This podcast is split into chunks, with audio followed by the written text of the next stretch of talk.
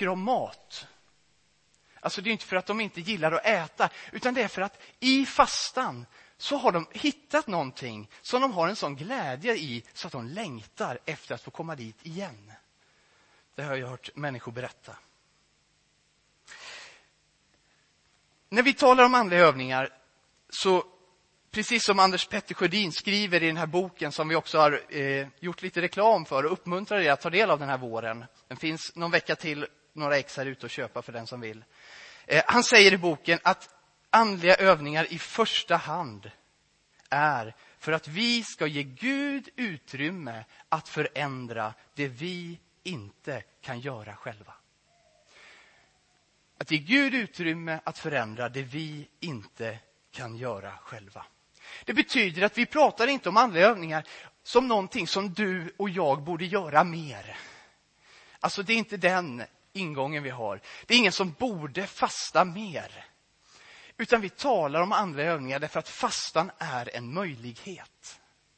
Fastan är en väg som vi har inbjudits att liksom börja gå på och ta steg på och se vad den innehåller. Och genom Bibeln, om du tittar i din bibel, Gamla testamentet, genom Jesu liv och genom den första kyrkan, så finns det här med fastan som en helt naturlig del av livet. Dels en slags regelbunden fasta, man hade vissa dagar. Många människor fastade två dagar i veckan, onsdag och fredag. Och det finns i kyrkans tradition ganska tydligt att onsdag och fredagar kan vara tydliga fastedagar. Men så fanns det också särskilda tillfällen, alltså vissa perioder eh, som man gick in i fasta eller inför vissa typer av händelser eller uppgifter eller utmaningar så gick man också in i fastan. Jag vet inte hur det är för dig, men jag tänker att i en del av kyrkan så har det blivit nästan tvärtom. Fastan har blivit nästan onaturlig för oss och liksom något svårt och något vi inte riktigt greppar och något vi kanske inte vågar ta tag i och vi kanske heller inte har så god vägledning på området. Vi lever i ett land, nu är jag väl medveten om det här, där maten för många människor är ett ganska komplicerat förhållande. Alltså vi har inget enkelt förhållande till mat av olika skäl. Eh, jag vet också att det dunkar in diettips i vårt, eh, våra liv genom all information, genom tidningar, genom media på olika sätt. Hela tiden så tips på hur du kan eh, testa en ny diet för snabb framgång. Jag vill bara säga så tydligt jag kan att den här predikan kommer inte beröra problematiken för dig som kanske brottas med mat på det sättet. Men fasta, när vi talar om biblisk fasta, det handlar inte om bantning. Det handlar inte om hälsoförbättring fysiskt. Det handlar inte om hungerstrejk på något sätt. Bara så vi är klara på det. Det handlar inte fastan om.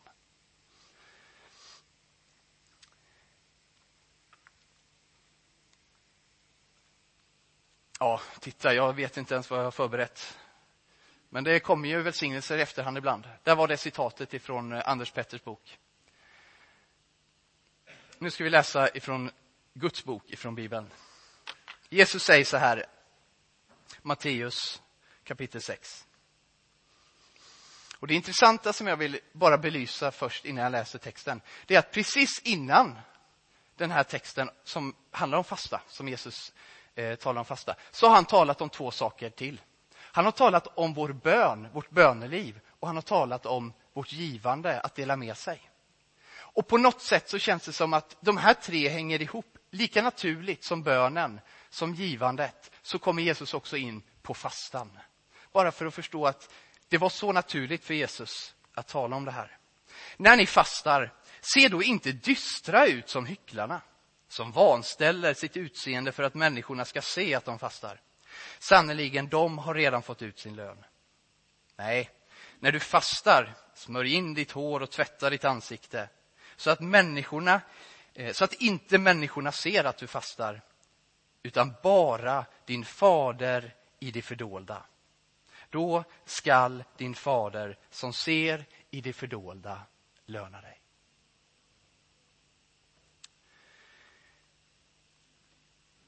Och utifrån den texten som Jesus har så vill jag säga tre saker som kan vara en fara med fastan. Vi ska tala om det positiva. Men kanske är en av farorna att vi fastar för att på något sätt känna oss lite duktiga. Precis som kan, man kan göra det andra saker. Man kan be eller man kan utföra någonting och så tänker man, åh, nu känner jag mig lite duktig. Oh, vad bra att jag klarar av det. Fasta handlar inte om att imponera på sig själv. Fasta handlar heller inte om att imponera på andra. Kanske är det en stor frestelse att eh, berätta om fastan. Alltså, det var ju det Jesus mötte. Människor som försökte imponera på människor omkring sig. Se hur duktiga vi är som håller fastan så noga och så tydligt. Fasta handlar inte om att imponera på andra. Vi talar om biblisk fasta. Fasta handlar för det tredje heller inte om att imponera på Gud. Det är lönlöst att ens försöka. Vi kan inte imponera på Gud. Och det som är så skönt med att du och jag inte kan imponera på Gud, det är att då gör det heller inget de gånger vi inte lyckas med det vi hade tänkt. Därför han blir heller inte besviken på oss. Fastan handlar inte om det. handlar inte om att lyckas eller misslyckas. Fastan, den bibliska fastan, den handlar på något sätt om att eh, söka dig närmare Gud. Att på något sätt genom ditt liv ge plats för att Gud ska få göra det som du inte och som jag inte klarar själva. Och det är bara att ta nya tag. Det är bara att, att leka vidare i fastans lekpark, om man får använda bilden. Den gång du kanske inte riktigt nådde det mål du hade satt upp för din fasta. Om du nu väljer att fasta. Och ni, vad är då poängen med att fasta? Varför ska man fasta? Ja, jag har haft en, en, en beskrivning här. Men det Jesus sa väldigt tydligt, det var så här. Han sa, sök först Guds rike. Eh, han sa inte först och främst be, först och främst gör det, gör det, gör det. Men han sa, sök Guds rike. Det sa Jesus. Vad du gör, alltså om du är människa på den här jorden, missa inte det. Därför att söka Guds rike, det kan inte bli mer värdefullt in i ditt liv än att söka Guds rike. Och det gör man ju på mängd olika sätt naturligtvis. Genom bönen, genom bibelordet, genom tillbedjan och också genom fastan.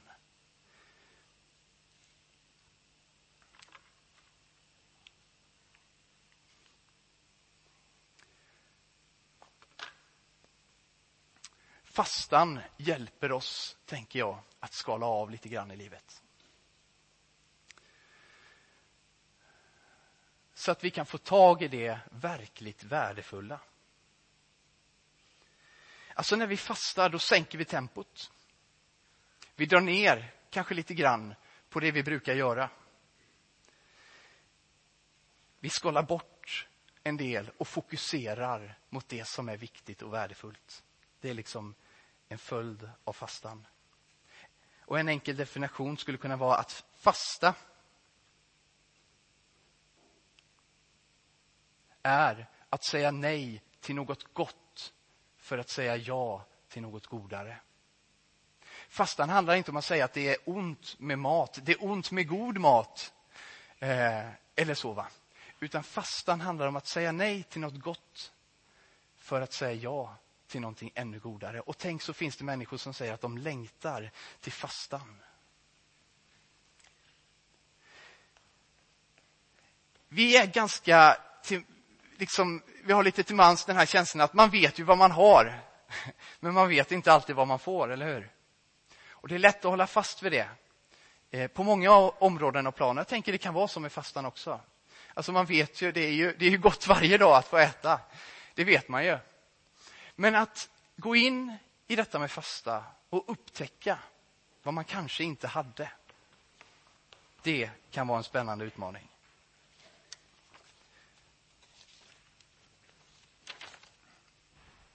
Fastan gör oss ödmjuka, har jag skrivit. Så här står det i Saltaren. Lugn. Besinna att jag är Gud, eller att Herren är Gud. Fastan tror jag hjälper oss att säga Gud, jag är beroende av dig. Jag klarar mig inte själv. Det är du som är Gud, du har skapat mig. Fastan hjälper mig att komma i rätt förhållande till Gud. Jag lever inte bara av Arla och Findus. Min Gud heter inte snabbmat eller falukorv. Jag vet att på djupa sätt så är det Herren jag behöver. Och fastan hjälper oss in i det. I fastan så växer hungern efter Herren, efter Gud. Om Gud är helig, om han är rättfärdig, om han är kärleken i dess fullhet. Wow, tänk att få ödmjuka sig inför honom som är sådan.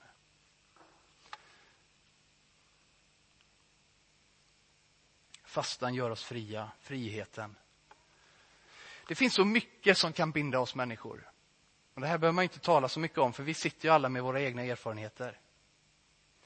Det kan vara saker som vi vet är synd, ovanor, laster.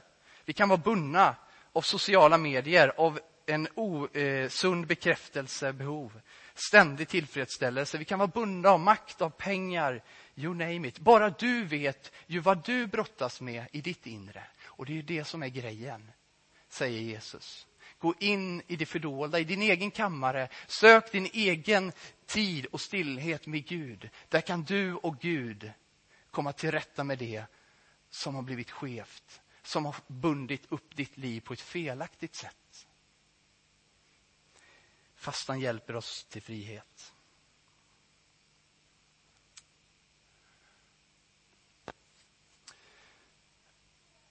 Det var lite generellt om fastan. Men sen så kan man ju se i Bibeln också att det finns tydliga tillfällen då människor i Bibeln väljer att fasta. Och Det kan ju vara en, en vägledning och ett riktmärke för när kan det vara en idé att tänka kanske är fastan en möjlighet i min livssituation just nu. Då kan vi se att i Gamla testamentet så fastar man när man stöter på yttre hot, fiender, faror inför svåra resor, strapatsrika resor. När man tydligt ville omvända sig från synd och bortvändhet ifrån Gud. Men också finns fastan kopplad till en rättvisare värld och ett rop att Gud och hans rättvisa och rättfärdighet ska få ta sig uttryck också bland medmänniskorna. I Nya testamentet, hos Jesus och församlingen, man fastar för att vinna i den andliga kampen. Tänk att Jesus, Guds egen son, han behövde fasta. Ledd av anden, står det i Lukas 4, så var Jesus 40 dagar ute i öknen. Där sattes han på prov av djävulen och under denna tid åt han ingenting. Och när det var slut, det är det bästa, då blev han hungrig. Alltså när Jesus möter frestelsetiden i öknen, då går han också in i en fastetid. Som en del av vår kamp, den andliga kampen. Det finns också exempel när Jesus eh, ska befria en person som är eh, satt under ett ont förtryck. Och han säger, det kan bara brytas med bön och fasta alltså som en del av andlig kamp, så kan vi se att Jesus går in i fastan. I Apostlagärningarna kan vi läsa eh, om den i den första församlingen på en plats så står det att man, medan man en gång höll gudstjänst och fastade, sa den helige ande till dem, avdela Barnabas och Saul för den uppgift som jag har kallat dem till. Efter fasta och bön lade de sina händer på dem och skickade iväg dem. Alltså vid vägval och viktiga beslut använder man fastan också för att hamna rätt. För att få tag i Guds väg och Guds vilja. Som förberedelse för våra svåra utmaningar och nya uppgifter använder människor i Bibeln fastan som ett redskap. För att ta sig vidare, för att ta sig fram, för att navigera rätt i tillvaron.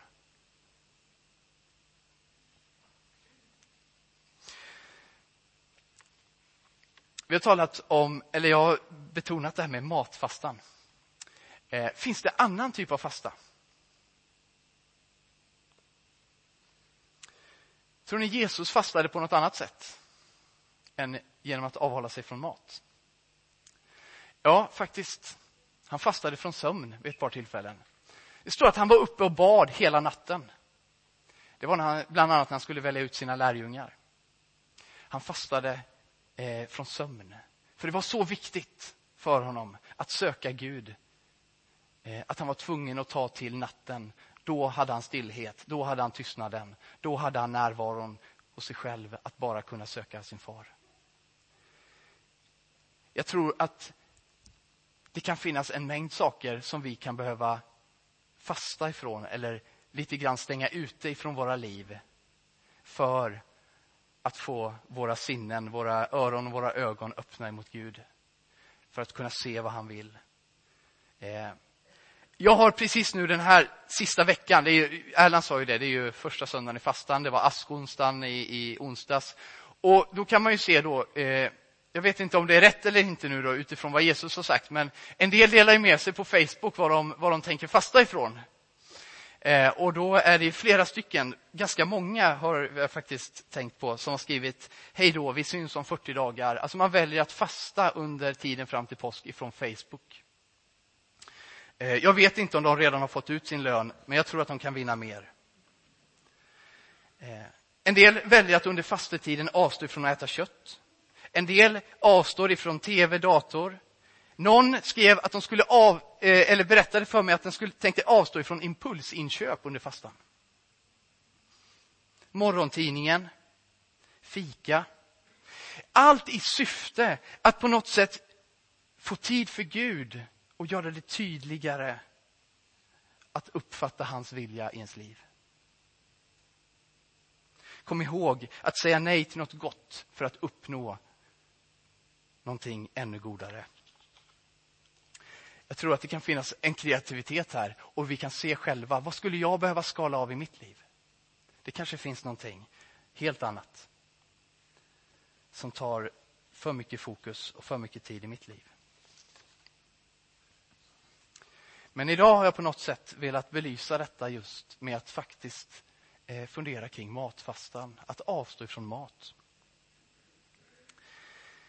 Eh, det är ju inte lätt, skulle ju många säkert säga, att matfasta. Ehm, även om en del säger att de längtar till fastan, så vet jag att många säger att ja, men det är ju inte så lätt. Det är alldeles för svårt för mig. Ehm, och jag säger inte att det någonstans står i Bibeln att det är lätt att fasta. Det står ingenstans i Bibeln att det är lätt att följa Jesus överhuvudtaget. Jesus talar om en smal väg. Många går den breda vägen, säger Jesus, men den som vill följa mig, den kommer gå, få gå en smal väg. Paulus talar om trons kamp, om den kämpar den goda kampen. Det är så lätt att lyfta allt det som är gott och all välsignelse vi kan ha i tron. Men vi måste också se att tron talar tydligt också i sitt innehåll om någonting som ger oss motstånd. Om en kamp, om den goda kampen. Kanske fastan handlar också om att vara med i den goda kampen. Min övertygelse är att det finns så mycket i mitt eget liv och säkert i fler människors liv som Gud behöver få ställa till rätta med. Kanske fastan behöver få utmana in i våra liv. Eh, att bli en del av den resan. Någon har sagt att människan är kapabel till de mest fruktansvärda saker. Och det vet vi om. Men i varje människa finns också ett frö av gudslikhet. I varje människa finns också planterat det goda fröet som kan blomma ut och bli någonting vackert som Gud har tänkt. Jag tänker att det handlar om vad vi gör av våra liv, vårt inre. Vad vi fokuserar på. Vi har utmaningar varje vecka när vi har andliga övningar. Här är tre utmaningar som jag skickar med dig idag. Kanske någon av utmaningarna känns som att den där ska jag ta tag i. Kanske det känns som att ja, de faller... Nu vet inte jag vad som hände.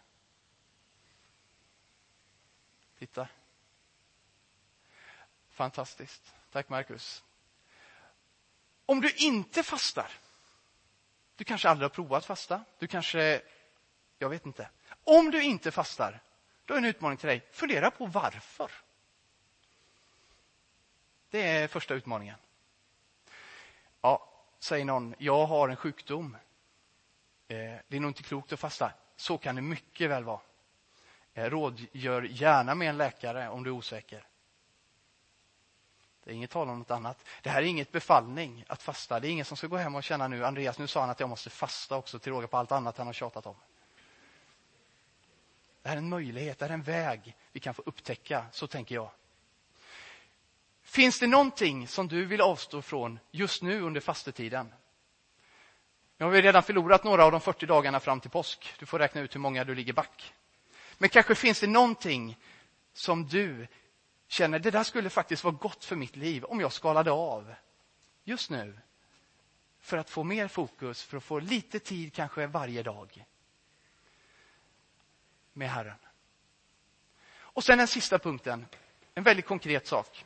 Den 30 mars har Lisbeth och jag sagt, vi utlyser en fastedag.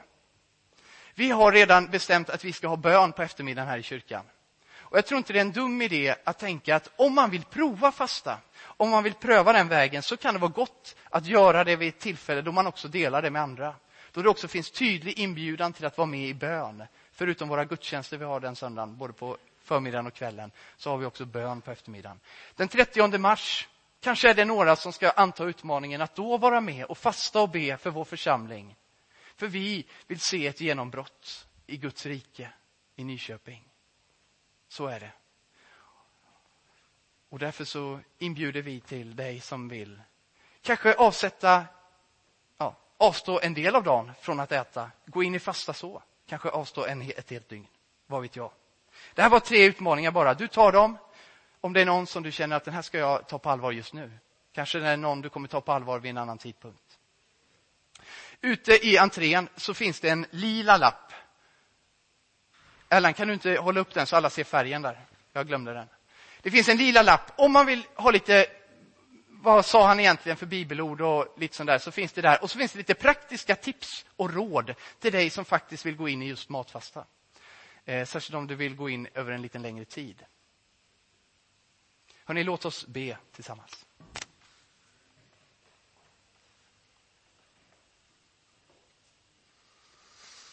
Tack Herre för att jag tror att du bjuder in oss att upptäcka och leka på något sätt i ditt rike. På ett sätt som gör att vi får vara med och skapa, vara med och upptäcka, glädjas på nya sätt hitta nya vinklar av spänningen i livet. Herre, nu vill jag bara be. Eh, hjälp oss med alla de här tankarna som den här predikan och som de här bibelorden har skapat i oss kring fastan. Led oss var och en och gör oss öppna, öppna och villiga att följa dig på den väg som du kallar oss. Tack för friheten i ditt rike. Tack att du har skapat oss fria. Men tack att du har gett oss alla möjligheten att säga jag vill följa dig Jesus. Jag vill leva mitt liv på något sätt i riktning mot dig. Tack för det Jesus. Amen.